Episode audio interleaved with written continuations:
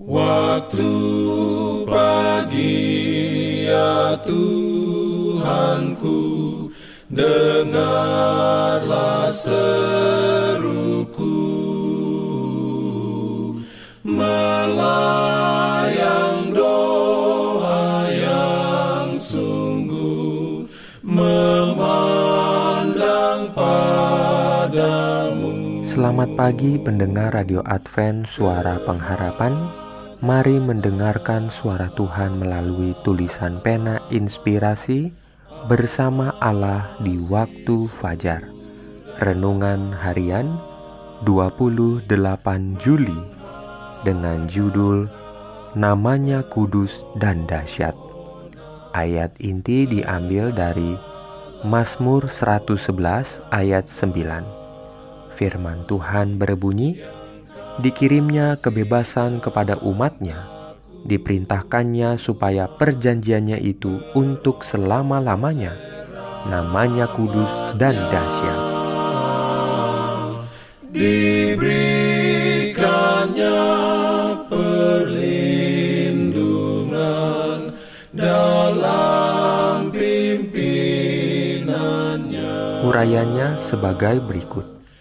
Baik dalam kebaktian umum maupun kebaktian pribadi adalah kesempatan kita bersujud di atas lutut kita di hadapan Tuhan ketika kita mempersembahkan permohonan kita kepadanya. Yesus teladan kita berlutut dan berdoa.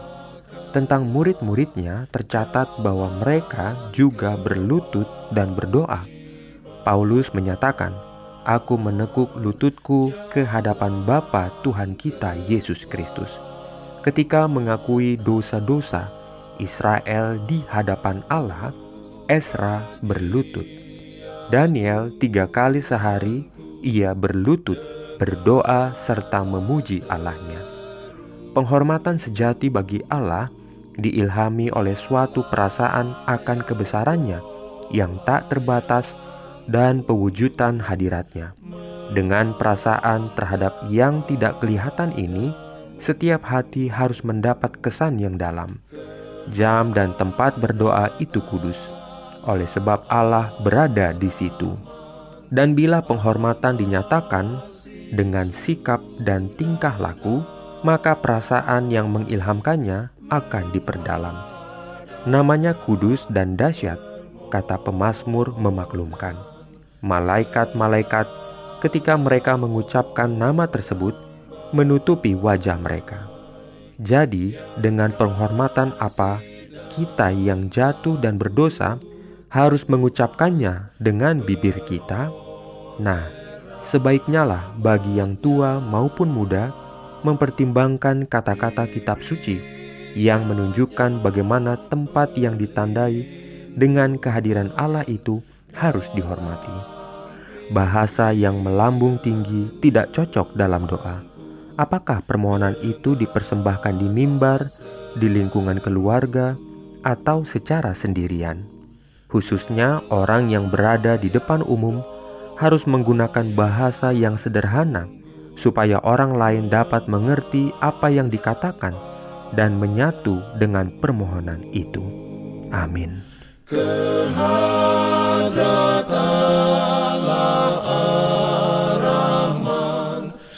bagi semua sahabat pendengar. Kabar baik bahwa kisah dan kesaksian terkait siaran dan pelayanan AWR Indonesia kini dapat diikuti secara berkala, baik melalui siaran harian Radio Advent Suara Pengharapan setiap minggu kedua dan keempat, juga melalui YouTube dan Facebook AWR Indonesia. Terima kasih banyak untuk yang sudah menyampaikan dan masih terbuka bagi Anda semua untuk segera SMS atau telepon ke nomor AWR di 0821 1061 1595 atau di nomor 0816 1188 302 untuk WhatsApp dan Telegram. Kami tetap menunggu dukungan Anda.